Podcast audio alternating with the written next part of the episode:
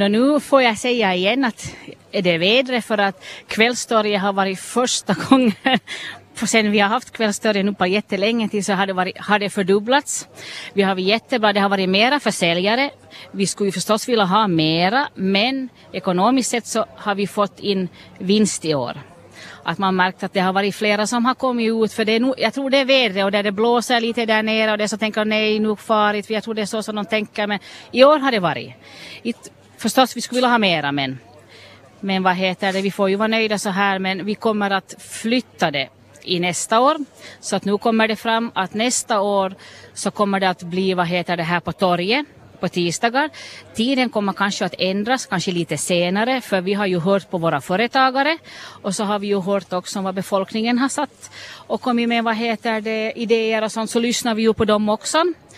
Och de har ju alla velat ha det hit, så det blir här i nästa år.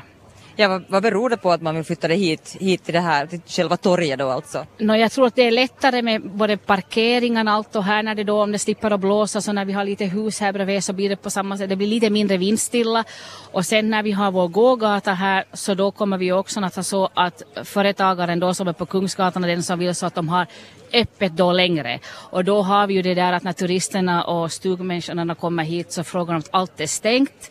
Att den dagen som vi skulle ha kvällstor så skulle de ha öppet längre och då skulle de slippa handla. Det skulle gynna oss alla. Så det skulle vara liksom ett större samarbete alltså mellan företagare här i Ekenäs. Och sen tänkte vi också med det att för nästa år då så varje gång när vi har kvällstor så har vi ett evenemang och då har vi någonting på, på scenen och artist, något dans och någonting och då ska också föreningar slippa visa upp sig. Att det är nytt. Du sa att tiden också kanske skulle ändra, det har varit mellan 15 och 19 nu, alltså när, vad har ni för funderingar där? Vi har väl lite funderingar, det är ju ingenting fastspikat ännu så vi kommer ju att ta upp det. Men att nu är det ju varit klockan tre och jag tror att många är då ännu på arbete, sen får de och handla och så får de hem kanske och laga mat med familjen. Att om man skulle tänka sig då från fyra till åtta lite senare, att jag tror att det kanske fyra till åtta skulle vara en bra tid. Hur skulle du säga liksom att karaktären på det här kvällstorget och det här eh, vanliga morgontorget då, alltså hur skiljer de sig? No, det är så att nu när vi har det här vanliga torget här på onsdagar så då är det ju mera den här äldre generationen som är här och som sagt igen vi skulle vilja ha de här yngre. Att sen när det är kvällstorg så då kommer det allt från eh, det är lack det, det är mat och det är, det är mera bröd och det kommer lite sådana här som har varit på marknaden, höstmarknaden då de kommer lite längre ifrån.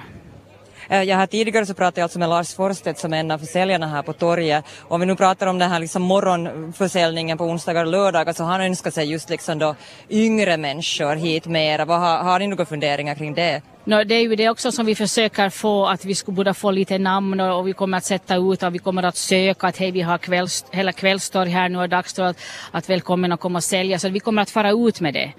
Och sen att vi skulle få mera det här närmat ännu mera hit för det är ju det som folk har mera frågat efter. Så vi kommer att sätta ut nu och, i tidningar om det och, och riktigt tuta ut med det. Och vi hoppas att de nappar. Det är ju det.